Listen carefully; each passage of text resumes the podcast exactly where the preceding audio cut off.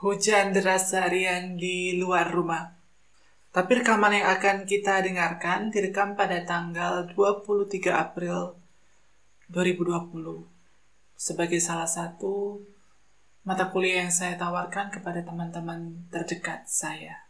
Kita akan sama-sama simak pembicaraan tentang kesepian dan trauma. Dua hal yang sering banyak dibicarakan setelah kesehatan mental menjadi pembicaraan umum di ruang publik. Perlu diingat pada saat saya melakukan kuliah atau pemaparan, saya menggunakan Zoom dengan slideshow yang bisa ditampilkan di layar. Sehingga mudah untuk teman-teman saya memahami karena mereka mendengarkan sambil melihat slideshow yang saya presentasikan. Tapi jangan khawatir, teman-teman juga masih bisa memahami tentang apa yang saya maksud dari kuliah-kuliah yang kita akan dengarkan. Jika dibutuhkan, silakan ambil pena dan kertas untuk mencatat. Selamat mendengarkan.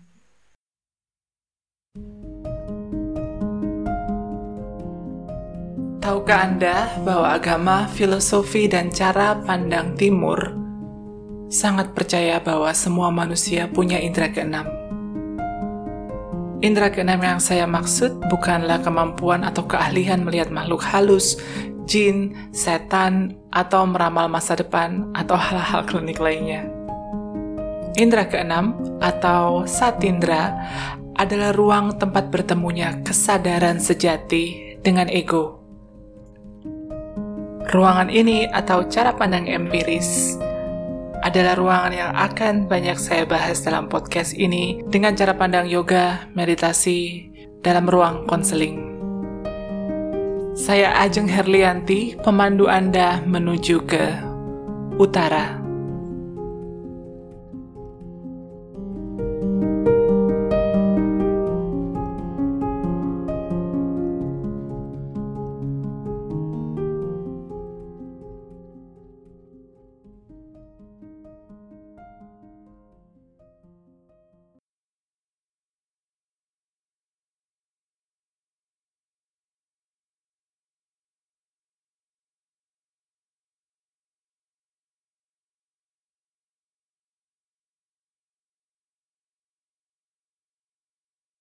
Halo, selamat malam semuanya.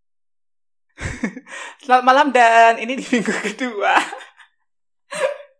minggu kedua, uh, saya mungkin cerita dulu ya sebelum mulai ngomel. Jadi, jadi uh, tetangga saya ada yang lewat dan dia menawa, menawarkan saya untuk ikut WhatsApp group dan saya langsung dong nggak mau, nggak mau, nggak mau seperti biasa.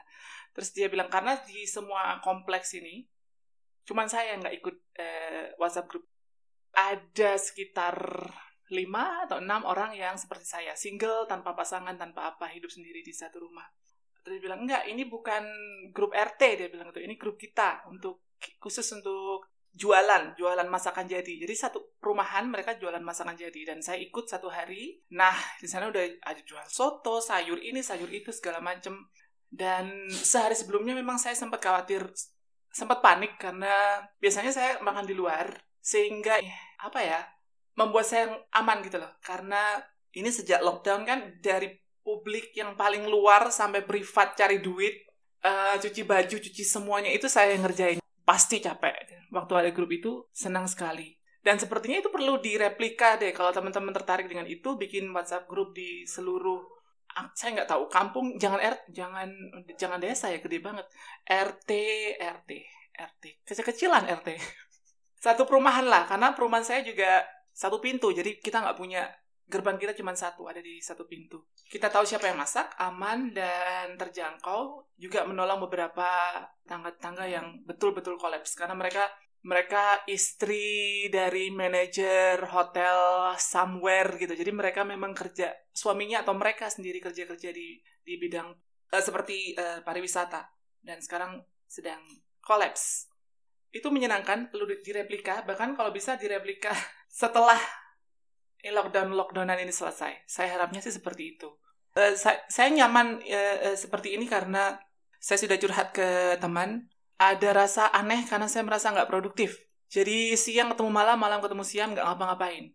Biasanya kita kan ada jadwal teratur gitu ya, jadi waktu tidak tertelan oleh matahari ya, tanpa kita ngapa-ngapain. Beberapa hari ini emang terasa aneh. Bangun pagi, cuman lihat jam, terus, terus hari ini mau nganggur model apa ya enaknya? Seperti seperti itu. Saya nggak nganggur, saya masih ada beberapa klien. Ada tiga kelas yoga online dan beberapa klien konseling. Uh, halo semuanya, sedikit review kemarin kita bicara tentang di mana kita hari ini, di mana kita sekarang, tentang yin dan yang-nya bumi kita. Hari ini kita mau bicara tentang emosi, kenapa kita merasa kesepian, kenapa kita tetap merasa kesepian walau ada orang lain, kenapa dulu sebelum menikah merasa kesepian, setelah menikah tetap juga merasa kesepian. Kita akan ngobrol masalah itu, dan itu sangat terkait sekali dengan keadaan kita kali ini. Minggu depan 10 menit pemaparan, 30 menit tanya jawab. Silakan tanya jawab dan untuk mempermudah saya, gimana kalau pertanyaan itu dipersingkat dalam inbox di DM saya di Instagram dan silakan bercerita. Kita bisa gali lebih dalam. Dan hati-hati pada saat curhat, bukan hati-hati sih, teman-teman harus sadar bahwa walaupun kita cuma 350 orang di sini, tetap ini ruang ruang publik yang privat. Dan minggu keempat, saya blank. Saya blank bukan bukan karena saya ingin beri teman-teman surprise. Saya betul-betul blank. Saya nggak tahu apa yang harus saya lakukan uh, di minggu keempat. Kita ngomong kesepian langsung ya. Dan ini sangat terkait dengan pengalaman saya pribadi menghadapi rasa kesepian itu. Tidak menyelesaikan.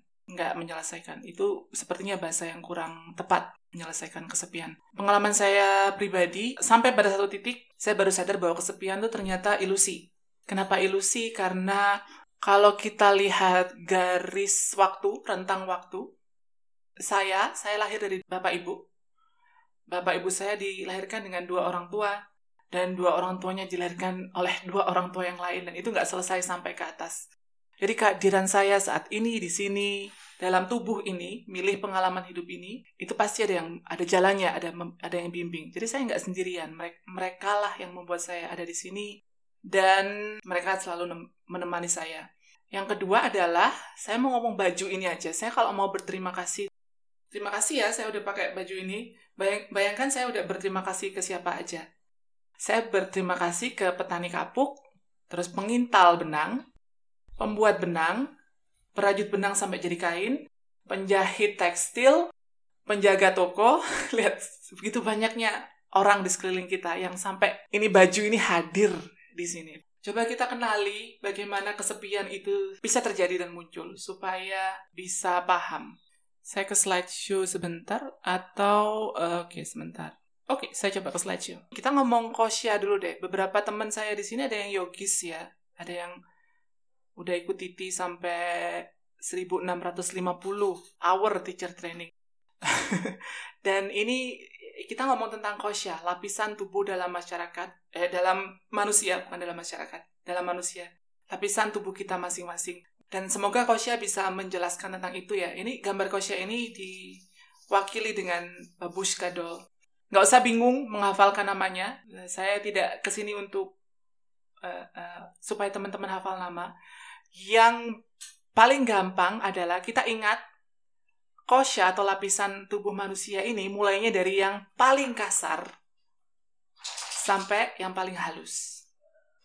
Uh, ada panca kosya, ada lima, tapi sebetulnya kosya itu ada enam. Yang terakhir jarang sekali dibahas oleh yogis. Yang pertama kita ngomong tentang badan, tubuh. Tubuh kita yang kasar ini, mulai dari kulit, otot, sampai bagian dalam tubuh, otak. Itu yang paling awal, pertama. Yang kedua, eh, yang ketiga, saya lompat ya, yang kedua lompat, yang ketiga emosi.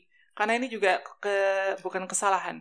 Cara pandang psikolog modern, dari jadi tubuh ke emosi. Kita taunya body, mind, soul. Body, mind, soul. Di sini ada em, uh, emosi. Emosi pasti jauh lebih tipis daripada, jauh lebih halus daripada tubuh. Tapi di kosya, di yogis, antara satu dan, dan tiga, ada yang namanya nafas.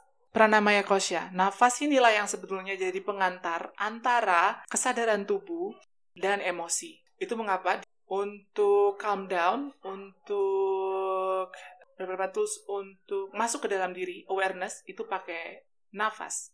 Yang keempat, kalau sudah dari badan, dari badan sama nafas diantar ke emosi. Dari emosi diantar ke iman. Saya mau berhenti di sini dulu deh, ke iman. Saya nggak ngomong iman tentang agama, tapi apa yang saya percaya. Ada pancamaya kosya yang tadi ada yang nomor 5, itu sesuatu yang lain yang nggak bisa saya jelaskan, karena saya belum sampai sana. Nanti kalau sampai sana saya jelaskan ya. Karena yang paling penting adalah yang nomor 4, lapisan paling halus ini iman yang nomor 4. Kita datang ke mall, kita datang ke minimarket, ada ribuan merek sabun, kita milih sabun ini, kita bayar untuk dibawa ke rumah. Itu asalnya dari iman. Imanlah yang membuat kita memutuskan mau pakai sabun apa, mau pakai sekolah apa, saya mau membalas uh, ujaran orang dengan apa, mau Facebookan jam berapa, dadadadada, semuanya itu ada di situ. Sekali lagi, uh, ini juga yang yang yang penting yang saya saya catat dalam perjalanan saya dengan klien dan juga dengan murid-murid juga saya, badan itu punya waktu. Dia karena dia kasar, dia punya waktu. Anak-anak, dewasa, remaja, tua, dan nggak punya badan atau meninggal. Tapi emosi nggak seperti itu. Emosi nggak seperti badan, dia nggak pernah tua. Rasa jengkel kita terhadap sesuatu hari ini, itu sama harganya dengan rasa jengkel kita waktu kita TK dulu. Nggak beda, dia nggak punya waktu. Dia nggak punya ruang dan waktu. Itu kenapa dia sangat halus. Apalagi iman. Wah, dia lebih halus lagi daripada daripada tubuh. Eh, kita ke slideshow lagi. Bisa dibaca nanti setelah kelas. Nah, ini eh, tahapan perkembangan emosi manusia tahapan perkembangan kedewasaan manusia sesuai dengan uh, emosinya masing-masing. Lagi-lagi nggak usah bingung lihat gambar, jadi gini aja deh. Waktu kecil, waktu remaja, remaja itu waktu saya membentuk diri. Berarti sebelum 10 tahun, itu aja biar jelas. Itu adalah waktu sebagai manusia untuk kenal emosinya. Untuk kenal emosinya dan tahu apa yang harus harus dilakukan dengan emosi. Tapi karena satu dan lain hal mungkin skip, mungkin terlewati, terlampaui, dia nggak selesai dan sampai dewasa contohnya sampai orang tersebut menikah punya anak which is dalam dalam kacamata sosial kita dianggap dewasa sebetulnya secara emosi dia belum dewasa karena ada tahapan perkembangan yang dia lalui nggak dikelola sehingga tadi saya bilang rasa marah kita hari ini sama harganya dengan rasa marah kita waktu kita umur 10 tahun. Ini yang membuat yang kemarin saya bilang looping, muter-muter ke situ aja. Karena belum dilewati, belum dilampaui. Jadi muter aja sampai itu dilewati, dilampaui, dikelola, dipahami, diketahui. Maka dia bisa berlanjut ke tahap selanjutnya. Kita ngomong tentang kesepian. Saya punya gambar wild beast dan zebra. Seperti kita tahu, mereka uh, bukan predator, mereka hewan di prisma rantai makanan dia hewan kedua setelah tanaman. Mereka makan tanaman dan mereka akan dimakan oleh karnivora. Kalau mereka semakin banyak uh, meningkatkan kemungkinan mereka untuk bertahan hidup. Kalau mereka jumlahnya sedikit, maka mereka lebih rentan dengan predator. Berarti itu security, rasa aman, dan kemungkinan untuk mengolah atau mencari makanan. Dan itu juga terjadi pada penyerangnya, prey-nya, harimau. Semakin banyak, mereka semakin dapat kemungkinan dapat zebra hari ini. Semakin sedikit, mereka kemungkinannya semakin sedikit. Dan sebetulnya kesepian kita dari sini. Hubungan kita dengan masyarakat atau dengan satu orang satu orang aja ya, peer to peer, uh, peer group itu menentukan kemungkinan kita mendapat makanan, akses makanan dan rasa aman semakin besar jumlah kita, nah ini kan sangat SMP SMA sekali. Kalau kalian powerful dan dalam jumlah banyak, jarang dibully, nggak mungkin jadi bulir. Tapi kalau kalian udah dikit, terus powerless, biasanya itu yang dibully atau dirundung. Teorinya seperti itu. Kita nggak beda sama mamalia. Kita nggak nggak nggak pergi-pergi jauh evolusi kita dari mamalia. Jumlah sedikit juga membuat manusia khawatir karena itu berarti kan tidak kekurangan makanan, kesempatan makanan sedikit, kesempatan rasa aman juga sedikit, itu berarti pleasure, rasa nikmat itu juga turun. Nah, ini apa yang harus kita lakukan dengan kesepian? Saya pribadi, lagi-lagi ini bicara dari pengalaman pribadi, nggak ada obat untuk kesepian. Bisa terjadi kalau kita, kalau kita dalam kelompok, tapi tidak terkoneksi. Contohnya tadi saya bilang, ada yang sebelum menikah merasa kesepian, setelah menikah tetap merasa kesepian karena memang koneksinya nggak ke nggak terbentuk. Jumlah banyak tapi koneksinya nggak terbentuk, sama aja. Apa yang eh, biasanya saya lakukan dengan kesepian saya? Pertama adalah saya tulis di situ kesepian, diakui. Berarti dia tidak diganti dengan hal yang lain. Contohnya, aku merasa kesepian nih, ya sih soalnya aku kurang bersyukur. Aku merasa kesepian nih, ya karena ini lagi tanggal tua gitu. Nggak usah, kesepiannya aja, kesepian titik itu di itu diakui. Aku merasa kesepian. Dan dari situlah kita berangkat mengenali kebutuhan diri yang spesifik. Apa sih yang kubutuhkan sebagai manusia saat ini? Setelah kita kenal kebutuhannya, kita tahu bagaimana cara memenuhi kebutuhan tersebut. Kita juga tahu siapa yang ingin dilibatkan. Karena semakin banyak jumlah teman, bukan berarti semakin aman atau semakin bahagia. Ini tahapan-tahapannya. Karena kalau saya pribadi, kalau kesepian itu diakui, dia justru melem, bukan melemah, apa ya, mudah dikelola. Mudah dikelola. Pengalaman saya setelah saya mengakui rasa kesepian itu, di situlah nanti saya tahu kebutuhan kebutuhan saya apa, saya tahu bagaimana cara memenuhi kebutuhan, dan siapa yang ingin dilibatkan. Walaupun dalam pentol-pentol ini ada gap ya antara kenali kebutuhan dengan bagaimana memenuhi kebutuhan. Di sana ada gap memang. Itu skill, itu, tapi itu itu hard skill, itu bukan soft skill. Yang saya tulis di sini soft skill semua. Hard skill itu ngomong ke orang, kirim email, WhatsApp, itu kita bahas suatu hari nanti. Nah, ini yang looping tadi, pengindra uh, tubuh, apa yang terjadi sama tubuh. Di sini ada situasi, situasi itu berarti apa pun yang ditangkap oleh kelima indera. Keenam indera kalau kita di Asia, karena kita orang Asia mengakui memang indera ada enam. Uh, apa pun yang ditangkap oleh indera kita, contoh, saya ambil contoh. Saya melihat apel Washington warna merah. Tuh kan, mata sekali toh. Diambil. Karena diambil, kena kulit nih. Kerasa. Dimakan, kena hidung sama lidah. Kena semuanya. Saya pernah makan apel Washington nggak sebelumnya? Iya, saya pernah. Apa yang direkam oleh belief system saya tentang apel Washington? Enak, manis, saya suka. Ada kejut-kejutnya dikit. Belief system ini terkait sekali dengan referensi kita tentang kejadian sebelumnya. Bahkan sebelum apel itu masuk lidah, kita udah punya referensi. Apel ini akan terasa seperti ini. Jadi saya harus siap-siap. Situasi itu, karena saya lihat apel, itu trigger di otak saya, belief system saya, bahwa apel itu manis, dan akhirnya saya meregistrasi rasa senang. Berarti saya sekarang lagi senang karena ada apel dan ke behavior. Behaviornya di sini perilaku selanjutnya yaitu dimakan. Rasisme bisa dijelaskan dengan metode ini. Contoh saya saya nggak seneng sama orang kulit hitam gitu ya. Saya lihat oleh orang kulit hitam, lihatnya lewat mata, pengindra. Pikiran saya orang kulit hitam itu kasar, bau, lalalalalalalalala, semuanya. Thought. Emosinya lalu turun. Saya nggak suka. Itu bikin saya nggak nyaman. Dekat 2 meter dari orang kulit hitam Behavior, akhirnya saya pergi. Ini cara saya menjelaskan trauma. Dan kenapa trauma itu terjadi? Karena thought. Karena belief system, karena itu yang saya percaya. Ini yang dijelaskan oleh Hindu dan Buddha dengan samskara. Mutar-mutar aja di sana. Kalau trigger situasi atau apa pun atau pemantik ini ada pada trauma, contohnya, contoh ya, ini naujubillah. Jangan sampai terjadi. Waktu umur 10 tahun saya pernah dikena kekerasan seksual oleh kakak kelas berkumis gitu. Akhirnya saya sampai saat itu tan dan ini nggak sadar loh ya belief system ini tanamnya nggak sadar. Nggak tahu saya jengkel aja sama orang itu. Nggak tahu saya nggak senang aja sama orang kulit hitam. Nggak tahu saya nggak senang aja sama orang punya kumis. Nah pada saat saya umur 10 tahun dapat kekerasan seksual dan itu nggak diolah emosinya akan ke bawah sampai dewasa. Traumanya ke bawah.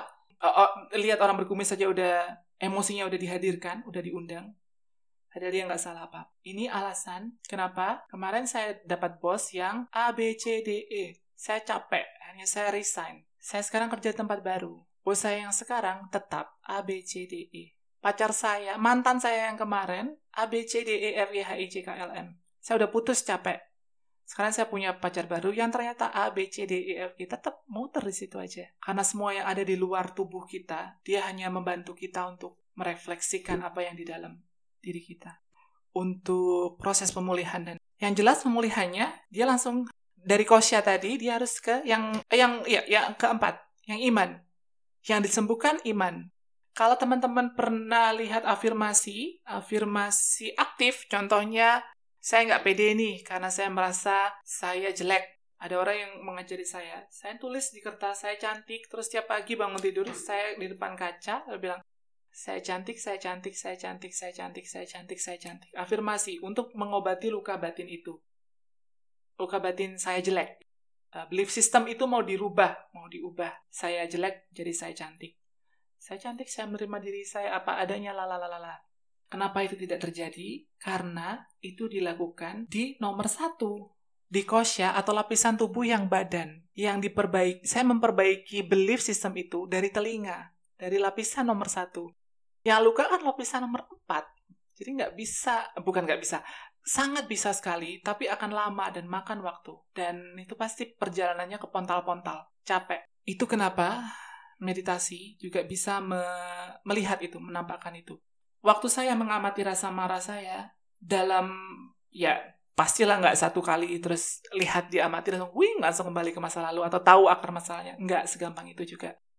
Tapi waktu saya uh, marah dan saya coba lihat ini apa sih, cari betul-betul carinya di dalam, nggak di luar. Carinya betul-betul di dalam tubuh ini yang punya lima atau enam lapisan tadi itu. Waktu saya cari ke dalam, dia bisa jawab sendiri kok. E, ini kamu dapat waktu kamu SD, kelas ini, kelas ini, kelas ini. Kejadiannya ini. Nah, karena kejadiannya ditampakkan, yang berarti itu juga mengundang trauma, tapi akhirnya kita paham, oh di situ toh. Uh, trauma atau belief system itu tertanam karena otak kita tuh kan sangat protektif sekali dan ini otak bagian otak dia sangat protektif sekali. Atau ego kita bilangnya ego. Uh, Freud bilangnya ego. Ego itu melindungi kita. Jadi pada saat kenapa saya setiap contoh tadi ya kenapa setiap lihat orang berkumis uh, saya pingin lari pilihan satu pilihan dua nampol pakai ulek-ulek gitu ya pilihannya cuma dua itu nggak ada pilihan lain kayaknya nggak ketemu-ketemu kenapa? Meditasi itu mengantarkan saya ke kejadian itu. Dan karena dia trauma, sama otak, sama ego, itu dilupakan. Yang pertama. Yang kedua, secara otomatis, kita dibikin benci sama orang berkumis itu loh. Tanpa penyebab. Tiba-tiba saya nggak seneng aja sama orang berkumis. Otak kita melindungi diri kita. Supaya nggak terjadi lagi kejadian waktu kamu 10 tahun. Apa itu salah? Nggak salah. Itu yang kadang-kadang kan, eh, ini juga terjadi sama saya maafkan diri kamu sendiri. Contohnya saya habis putus sama pacar, terus maafkan diri kamu sendiri. Terus apa yang jawaban di otak saya? Lah yang salah kan dia. Kok aku maafin diriku sendiri? Kadang apa sih yang dimaksud konsep memaafkan diri sendiri? Ternyata itu ego kita yang harus dimaafin. Nggak hanya maafin, kita terima kasih sama dia. Terima kasih ya. Waktu 10 ta umur 10 tahun, kamu punya mekanisme itu supaya kamu lepas dari rasa bahaya, sehingga kamu bikin cerita sendiri di otak kamu terima kasih ya kamu udah ngelindungin itu. Tapi aku sekarang udah nggak di situ lagi. Aku ada tempat lain. Boleh nggak aku lepas? Itu bisa terjadi. Oh ya, bagaimana caranya melakukan itu? Karena kalau teman-teman sudah tahu teorinya dan sekarang jadinya nggak malah menyelesaikan masalah, malah depresi nih. Terus gimana dong? Uh, cara yang paling gampang adalah hipnosis, self-hypnosis. Dengan cara tidur. Yoga Nidra bisa membantu itu, meditasi bisa membantu itu. Dan nyambung dari ceramah minggu kemarin, karena kita sekarang waktunya lagi ada di HIN, ini kesempatan yang baik untuk kita ke sana gitu loh, jalan-jalan ke dalam gitu, bukan keluar lagi. Kalau teman-teman bingung yoga nidra itu kayak apa, meditasi kayak apa, gini aja deh. Saya ada pertanyaan nanti yang yang juga akan dijadikan PR. Jawab PR itu, setelah dijawab PR itu, jadikan dia sangkalpa. Sangkalpa atau niat atau kaul Sangkalpa udah bukan niat, dia di atas niat, dia kaul. Kaul inilah nanti yang yang jadi temannya Kosya keempat, si Iman itu tadi. Teman-teman tinggal tidur aja, tiduran, tiduran siang, tidur siang, tidur malam, dengerin musik. Ini hal, ya saya sendiri bilang, ini nggak masuk akal ini. Kan kan suruh relax dan suruh bayang, bayangkan deh kamu, keinginan kamu lima tahun ke depan apa? Waktu pertama atau dua atau tiga kali mencoba, saya resistensi karena bilang, saya nggak tahu rasanya relax gimana saya nggak punya referensi relax itu Enggak. Waktu kita lahir pertama kali mak jebrot itu di situ. State itulah yang kita cari. Yang betul-betul putih, bersih, fitri. Nggak ada dosa, nggak ada trauma. Rebahan, ada musik, ada list musik dan yang na di Spotify yang sudah saya susun. Silakan ke sana dan imajinasikan diri teman-teman masing-masing lima tahun ke depan. Itu tugasnya. Atau saya ke slide lagi sambil lihat waktu. Saya sela sebentar kenikmatan Anda mendengarkan podcast. Saya berikan tugas untuk dikerjakan di rumah masing-masing. jawab tiga pertanyaan, kemudian akan ditemukan satu formula kalimat atau satu keinginan yang muncul.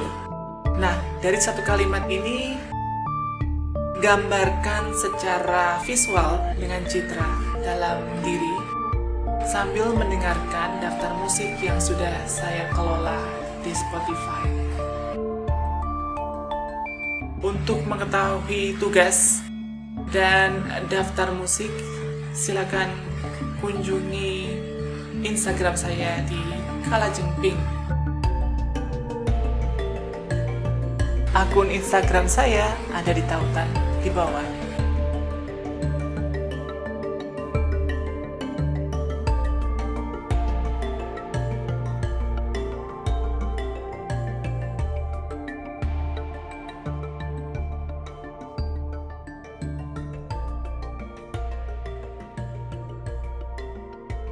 Nah, ini saya ada PR buat teman-teman. PR-nya sama seperti posting Instagram saya sebelumnya. Yang pertama adalah dijawab yang lajur kiri, hal apa yang paling meresahkan hidupmu saat ini dalam masa corona ini? Apa yang bikin kamu resah? Yang kedua, lajur kanan, bakatmu apa sih? Apa yang kamu lakukan tanpa maksa? Kamu gak usah maksa, kamu bisa aja gitu loh. Dan itu pasti itu bakat lahir. Nanti ketemunya di, ada di tengah, panggilan hidup, di arsiran tengah itu. Itulah panggilan hidup. Kalau teman-teman nyaman atau bisa, panggilan hidup itu jadikan kalimat. Contohnya, oh atau itu tadi yang aku cantik gitu. Kita nggak usah ngomong panggilan hidup deh. Kita ngomong kasus yang tadi, aku cantik. Itu aja bilang aku cantik. Dan tetap metodenya sama, afirmasi, tapi kita lakukan dengan rebahan. Gambarkan tentang pikiran tentang dirimu. Yang lagi cantik tuh apa? Yang menurutmu cantik tuh apa sih? Apa yang kamu rasakan waktu cantik? Tidur, savasana, dan ini kenapa saya selalu marah kalau ada murid yang skip savasana. Tujuan yoga ada di 10 menit savasana itu. Relaksasi, deep imagining, dan kita mengubah atau menyentuh, merubah belief system itu dari rasa relax, dari state of meditasi kita. Itu aja. Ada pertanyaan, silakan ke DM. Oh, saya harus bagikan slideshow-nya. Sebentar. Satu, dua, tiga. Coba saya unmute semua. Maaf ya, tadi banyak urusan. Uh, Seru sih topiknya. seru topiknya. Thank you ya, thank you ya. Tapi kayak terlalu singkat ya, jadi kayaknya Iya. belum sempat menyerap yang satu itu tuh lompat. Iya, betul. Saya sendiri yang bikin juga kerasa rapat. Tapi itu bagus loh, Mas Rio. Maksudnya, aku, saya suka feedback. Saya tidak bosan-bosan mengingatkan bahwa tubuh fisik berbeda sekali dengan tubuh batin. Tidak hanya bagaimana trauma masuk kepada lapisan yang berbeda tersebut, tetapi cara pemulihannya juga sangat berbeda. Luka fisik lebih mudah tampak, sementara luka batin sulit terlihat. Luka fisik bisa sembuh dalam satu kali pengobatan, tidak dengan luka batin. Pengalaman saya dalam perjalanan pemulihan setelah saya mengetahui alasan dan mengetahui pemantik-pemantik atau trigger saya, saya paham secara intelektual. Namun, mengerjakan pemulihan adalah tugas seumur hidup yang terus harus saya lakukan. Saya percaya pada komitmen. Saya tidak percaya pada pencapaian. Sampai jumpa minggu depan.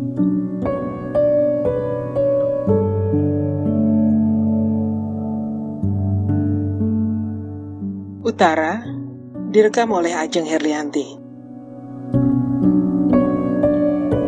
Musik pembuka dan musik penutup oleh Scott Buckley.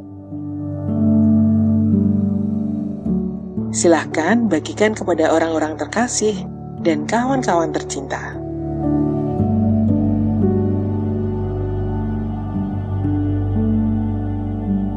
Saya Dina Widikirana untuk Ajeng Herlianti Production.